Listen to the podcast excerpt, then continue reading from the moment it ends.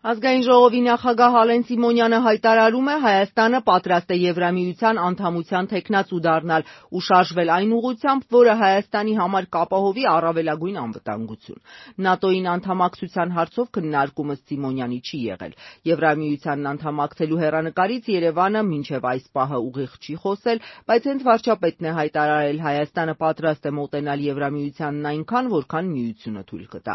Այս ամենով հանդերձ խորհրդարանի ղեկավարը պնդում էր՝ իշխանությունը չի քննարկում արտաքին քաղաքական վեկտոր փոխելու հարցը։ Կարծում ենք, որ մեր անվտանգությունը դա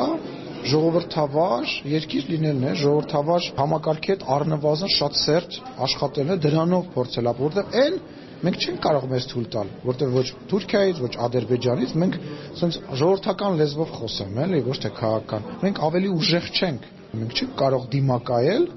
առավել եւս երբ որ դաշնակիցը, որը որ մեզ պետք է պաշտպաներ, լավագույն դեպքում մեզ չի պաշտպանում։ Այն դեպքում,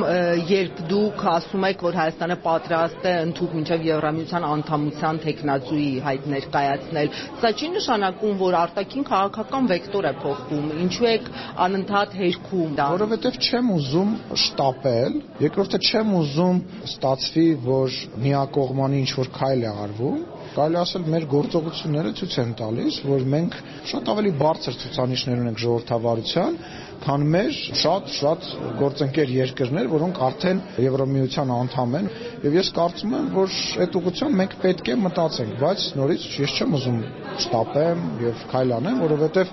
երկրի պարագայում, պետության պարագայում կտրուկ շարժումներ անելը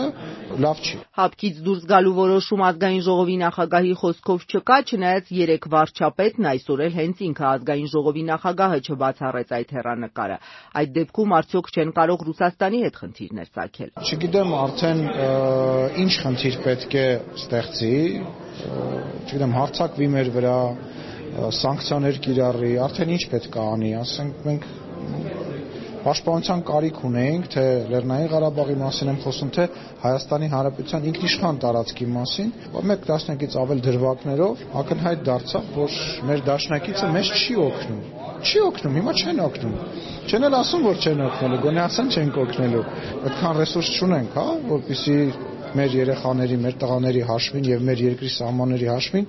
սպասենք, թե մեզ մեր դաշնակիցը, որը որ դաշնակիցը թե հապկով, թե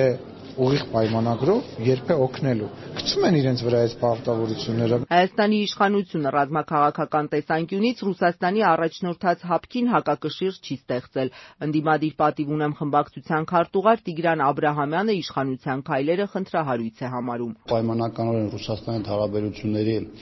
փչացնելը, որի պայմաններում Ռուսաստանի կամ Հայաստանի նախաձեռնությամբ կարող է լինել օրինակ այդ զորքերի դուրսբերում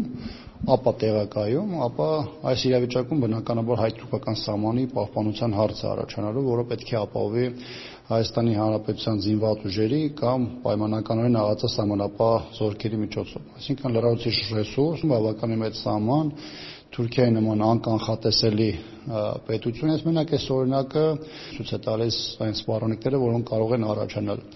Եվրամիության դիտորդական առաքելությունը ես չեմ համարում բալանս եւ ըստ այդմ իմ համար տեսանելի չէ. Ռուսաստանի արդյունավետ ոչ արդյունավետ ներկայացվածությունը տարբեր ուղություններում կամ դրա բացակայությունը Հայաստանի համար ինչ հետևանք կարող է ունենալ։ Արդյոք իշխանությունը հաշվարկել է ռիսկերը։ Իհարկե մտահոգված ենք, բայց մեր համար ակնհայտ է, որ այս անվտանգային համակարգը չի գործում։ Անվտանգային այլընտրանք։ Անվտանգային այլընտրանքը Հայաստանի Հանրապետության կարծիքով բոլոր հնարավոր միջոցները օգտագործելն է։ Նաև փորձ անել, ճիշտ անհույս փորձ аնել, բայց փորձ անել հապկին ինչ որ ձևով